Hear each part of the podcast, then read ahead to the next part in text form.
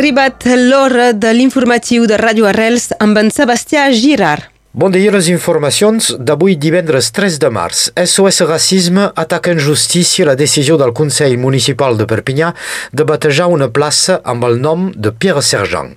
La municipalitat d'extrema dreta ho va votar el setembre passat i des d'aleshores la placa que va ser l'objecte de mantes degradacions va ser retirada. SOS Racisme porta queixa a prop del Tribunal Administratiu amb el motiu que la placa instal·lada al Parc Birakim és una ofensa a la sensibilitat del públic. Pierre Sergent, fundador de l'Organització de l'Armada Secreta, l'OAS, va ser diputat de Catalunya Nord. La batalla jurídica s'anuncia molt llarga. Una decisió difícil de pair pels firaires de Sant Cebrià. La municipalitat ha decidit de no reconduir l'autorització d'instal·lar les atraccions a la zona del port després de més de 40 anys. El batlle Thierry del Pozo argumenta un canvi d'estratègia turística. A la plaça de la Fira s'instal·larà a Sant Cebrià un mercat nocturn amb una quarantena de comerciants i artesans. Els firaires, molt enfadats, amenacen de bloquejar la vila. A Cau Lliure, la restauració del far ja s'acaba. Situat al cap del dic de Sant Vicenç, el far ha estat reconstruït a l'idèntic per una empresa de Perpinyà. L'original, en mal estat, amenaçava de caure. La peça de gairebé 3 tones de ferro forjat serà instal·lada amb un helicòpter, segurament la setmana que ve, si la meteo ho permet.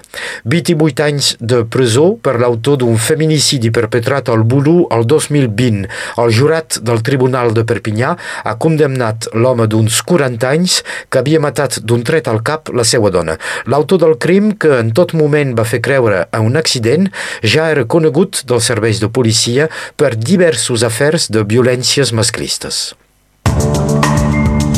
A Barcelona, el Congrés Mundial del Mòbil va acabar ahir amb gairebé 90.000 assistents en quatre dies, una freqüentació històrica que, segons els organitzadors, ha deixat a la ciutat de Barcelona uns 350 milions d'euros. Segons el conseller d'Empresa i Treball de la Generalitat, Roger Torent, el centenar d'empreses emergents catalanes que participaven en el Congrés poden esperar facturar 15 milions d'euros. En esports, un cap de setmana de rugby a Perpinyà.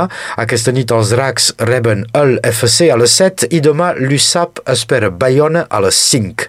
El xoc entre bascos i catalans s'emplenarà de segur l'estadi M. Giral. Radio Arels oferirà en directe la transmissió dels dos partits gràcies al patrocini de la Plataforma per la Llengua.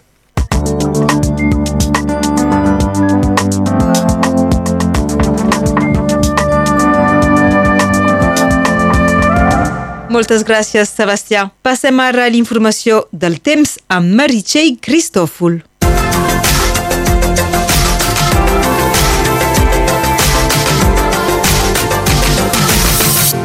Bon dia. Es preveu un cel bastant clar. El vent fa fugir una gran part dels núvols que han anat acumulant-se aquests uh, últims dies. Les ràfegues màximes bufen a 40 km per hora, en particular a la plana del Rosselló. Possibles caigudes de neu tot com precipitacions a finals de tarda a Cerdanya i al Capcí.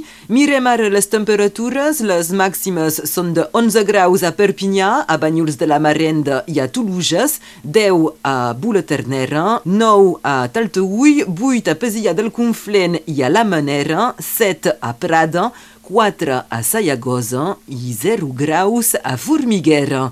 Aquesta tarda el sol es pondrà a les 6 hores i 40 minuts i avui celebrem Santa Camília.